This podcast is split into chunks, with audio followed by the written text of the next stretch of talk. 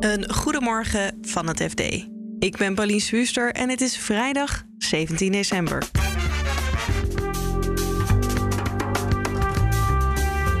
De ECB en de Fed hebben allebei deze week hun vergadering gehad en hebben ook allebei aangekondigd om te stoppen met de coronanoodsteun.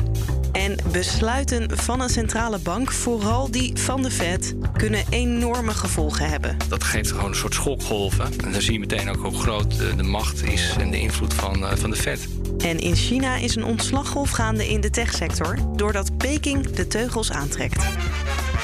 Dit is de dagkoers van het FD. De Fed voorziet volgend jaar drie renteverhogingen en stijgende rente in de VS raakt landen wereldwijd. In 2013 zagen we dat met het taper tantrum. Marijn Jongsma is FD-redacteur macro-economie en frist onze geheugens even op. Toenmalige uh, Fed-voorzitter Ben Bernanke en die kondigt op een gegeven moment aan: we gaan de obligatie aankopen terugschroeven. En dat was eigenlijk een totale verrassing voor de markt. En wat je dan ziet is dat de rentes omhoog schieten. Want er is eigenlijk meteen de verwachting in de markt: oh, een grote koper die gaat minder kopen. En dat had meteen wereldwijd effect. En dat was het taper tantrum. En dat had ook, ja, dat, dat geeft gewoon een soort schokgolven. En dan zie je meteen ook hoe groot de, de macht is en de invloed van, uh, van de Fed. Die schok ging niet alleen in Amerika, die ging ook bij nou ja, de hele wereld over. Opkomende landen ook. Waarom hebben die opkomende landen daar zo'n last van? Nou, heel veel opkomende landen zijn afhankelijk van buitenlandse financiering. Ja. En uh, die buitenlandse financiering die is ook voor een deel in dollars. En als de dollar sterker wordt, dan betekent dat dus dat ze eigenlijk meer moeten terugbetalen. Je, moet het zo zien als jij bijvoorbeeld een hypotheek zou afsluiten in Zwitserse francs. Uh, en je profiteert dan van de lage rente. Dat is hartstikke leuk. Totdat de Zwitserse frank ineens in koers verdubbelt ten opzichte van de euro dan moet je dus eigenlijk in euro's ineens twee keer zoveel gaan terugbetalen. Trouwens, dat voorbeeld is niet helemaal uh, verzonnen, want uh, er zijn in Oost-Europa behoorlijk wat mensen geweest die die hypotheek hadden afgesloten in Zwitserse franks, Hongaren bijvoorbeeld, Polen. Ja, die liepen daar precies tegenaan toen de Zwitserse frank in steeg. En dat gebeurt dus ook in de opkomende markten als je in dollars leent. Ja, en nu is het 2021 en we hebben net de vergadering gehad van de Fed. En ze gaan nou, steun afbouwen en ze hebben ook aangekondigd dat er renteverhogingen aan zitten te komen. Is het dan op dit moment weer zo'n risicovol moment als in 2013 of is het nu echt anders? Het is nu wel echt anders. Het gaat eigenlijk ook altijd om het verschil tussen de verwachtingen en, uh, en de gerealiseerde beleid. En je ziet dat de Fed uh, al heel lang bezig is de markten te masseren en klaar te stomen eigenlijk op een renteverhoging. Dus uh, zowel een afbouw van het opkoopprogramma als later in het traject ook renteverhogingen. Ja, en als je dus markten klaarstoomt, dan, dan weten ze ongeveer wat ze kunnen verwachten. Ze kunnen zich erop instellen. En dat heeft veel minder effect als een, uh, als een verrassing. Dus je zou kunnen zeggen, tape tantrum achteraf uh, ja, is, een, is een fout geweest. Slechte communicatie. Uh, slechte communicatie. centrale bankiers moeten enorm goed communiceren. En zeker nu, nu de markten zo lang gewend zijn geraakt eigenlijk aan lage rentes, zijn de effecten van een renteverhoging ook veel groter. Ja, en dan heb je nou ja, dat element ervan, maar die dollar waar je het over had, dat is natuurlijk ook dat risico dat die sterker is dan je eigen munt, dat hebben de opkomende markten natuurlijk, opkomende markten, sorry, natuurlijk nog steeds. Ja, absoluut. Maar het is wel zo dat uh, verhoudingsgewijs uh, is de dollar minder belangrijk geworden. Uh, dus er zijn best veel opkomende landen die zich helemaal financieren in hun eigen munt. En dat is natuurlijk een enorm voordeel, want als je dan terug moet betalen en je zit even krap, dan druk je gewoon munten bij. Dat klinkt, klinkt wel heel makkelijk. Dat kan natuurlijk ook weer tot inflatie leiden, dus het is niet helemaal een loterij zonder nieten. Maar het maakt je in ieder geval minder kwetsbaar voor die dollarbewegingen. Ik zeg er wel bij, de, de hele schuldenberg in de wereld is gegroeid. Dus er zijn nog steeds meer dollarschulden dan in 2013. Alleen ze maken een kleiner deel uit van de totale schuldenberg van opkomende landen. Is het dan ook zo dat we andere landen zien die nu het grootste risico lopen? Het is eigenlijk nog steeds best wel een grote groep die, die risico loopt. Alleen dat zijn de, de kleinere landen. Dat noemen ze dan ook wel in de beleggerswereld de frontier markets. Die, die kunnen eigenlijk nog steeds niet in hun eigen valuta lenen. Daar beginnen uh, geldschieters gewoon niet aan. Dat vinden ze veel te riskant. Ja. Uh, dus die, die, landen zijn nog steeds wel gevoelig voor een oplopende dollar. En dat, dat, dat zie je ook. Die, die, munten staan onder druk en die landen hebben het best, uh, best lastig. Ja, en er is ook nog inflatie. Ja. Dat is ook een risico natuurlijk. Ja, nou het, grappige van inflatie is natuurlijk, het komt altijd ergens vandaan. Hè? De prijsstijging voor de een is natuurlijk de inkomstenbron van de ander. Dat zie je bij die opkomende markten ook heel duidelijk terug. Een grote component in de inflatie, zoals we die nu zien, zijn de grondstoffenprijzen. Energie, olie, gas, maar ook, eh, maar ook grondstoffen.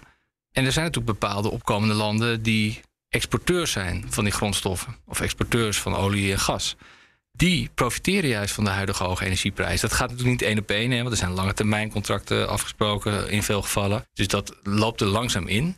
Maar die zitten eigenlijk aan de goede kant van het spectrum. En je zou kunnen zeggen, de opkomende markten die aan de verkeerde kant uh, zitten, dat zijn de landen die die stoffen moeten importeren. dus je kunt je voorstellen, als je heel veel schulden hebt opgebouwd, een lage groei, en je moet ook nog eens olie en gas importeren, dan heb je een probleem. Dan zou je eigenlijk dus de rente moeten verhogen om je eigen munt te stutten. Want ja, die zakt dan onderuit. Ja. Ja, en dan zit je nog met dollarleningen. Dus dat is wel een soort perfect storm waar je dan in terechtkomt. Marijn Jongsma is redacteur macro-economie. Van de VS gaan we naar China. Daar zijn ontslagrondes gaande in de techsector. En die fikse reorganisaties die zijn het gevolg van ingrijpen van Peking in diezelfde sector. Dat vertelt onze correspondent Anouk Eigeraam. Eigenlijk uh, op een aantal niveaus. Eén is dat Peking meer controle wil hebben op allerlei datagegevens die die techbedrijven allemaal hebben. Van al die miljoenen gebruikers die ze hebben. Nou, data is, is geld waard, ook voor China. Dus China wil daar meer controle op hebben. Het andere niveau is dat de privacywetgeving uh, is aangescherpt, zodat die gegevens ook veiliger zijn. En dan is er ook het niveau dat onder, onder leiding van de Chinese president Xi Jinping uh, is er een soort van beweging gaande om de uitwassen van uh, het kapitalisme aan banden te leggen. Dus dan gaat het om exorbitante zelfverrijking, uh, de ongebouwde groei dus van de techbedrijven. En allerlei uitwassen. Denk aan ehm, de overvloedige gameverslaving van jonge, jonge kinderen. Videoplatform van uh, dat is een online streaming service. Uh, ja, die moesten bijvoorbeeld deze zomer een heel populair uh, Idols show schappen. Dat is een soort van wedstrijd. In dit geval moesten mensen dus stemmen op hun favoriet. En dat kon dus door een QR-code te scannen. Die zat verstopt in doppen van melk en yoghurtflesjes. En er zijn dus echt duizenden, duizenden fans zijn dan dingen gaan kopen als melk en yoghurt. Maar gooiden dat vervolgens gewoon weg. Want het ging ze alleen maar om die QR-code. Nou ja, dat leidde online tot enorme verontwaardiging natuurlijk over de verspilling daarvan. En uiteindelijk is die show dus ook van de buis gehaald. Het is een gevolg van die strengere regels tegen namelijk de fancultuur en fandom. Ja, en dat zijn natuurlijk advertentieinkomsten voor het bedrijf die verloren zijn gegaan. Dus nou ja, uh, bij dat soort afdelingen wordt dan gesneden. Ja, en, en, ik begrijp dat, nou ja, dat is misschien lastig om dat verband uh, heel direct te leggen, maar dat er ook verhalen rondgaan over zelfmoord bij prominente medewerkers van bepaalde bedrijven. Ja, werd inderdaad ook bekend uh, dinsdag dat een medewerker van Tencent zichzelf van het leven had beroofd. Tencent heeft zelf bevestigd inderdaad dat dat gebeurd is. Ik kon geen details bekendmaken. Uh, nou ja, vanwege de familie. Maar dat was een hele bekende uh, senior programmeur. Die had ook een eigen social media kanaal met duizenden volgers. Postte die allemaal dingen over op het gebied van IT en computers.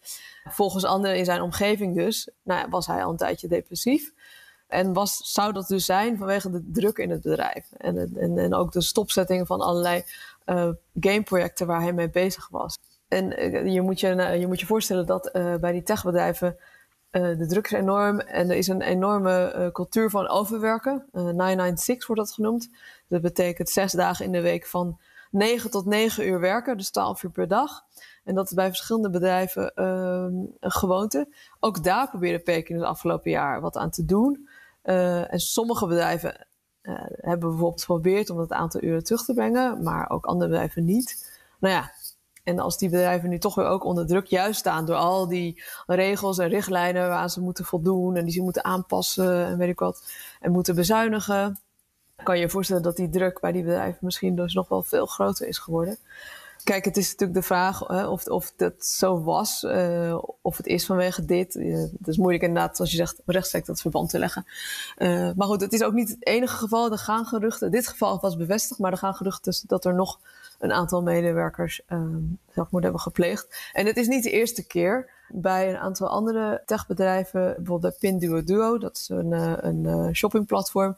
Eerder zijn is ook al een medewerker geweest uh, die, die zichzelf van het leven had beroofd. En waarbij het ook was vanwege de, het vele, vele overwerken en de druk die, die uh, heel groot is bij die bedrijven. Dus het is ook niet, um, nou, het is niet een, hele, een hele, helemaal onbekend fenomeen. Nee. En het is er geen leukere branche van geworden het afgelopen jaar. Nee, daar lijkt het inderdaad niet op. En dat, dit is dus nog een beetje het begin. Het is toch even afwachten hoe het zich nog verder gaat ontwikkelen. Het ziet er niet naar uit nog dat er een eind in zicht is aan de regelgeving vanuit uh, Peking. Van de week uh, zijn er nog weer uh, bijvoorbeeld 60 apps verwijderd. Omdat ze niet zouden voldoen aan, aan, aan privacyregels. Dus ja, het gaat nog even door voorlopig. Anouk Eigeraam vanuit Peking. Dit was de dagkoers van het FD. Op fd.nl kan je meer lezen over deze en heel veel andere onderwerpen en volg je het financieel-economisch nieuws. Maandagochtend is dagkoers weer te vinden in je favoriete podcast-app. Een heel fijn weekend en tot maandag.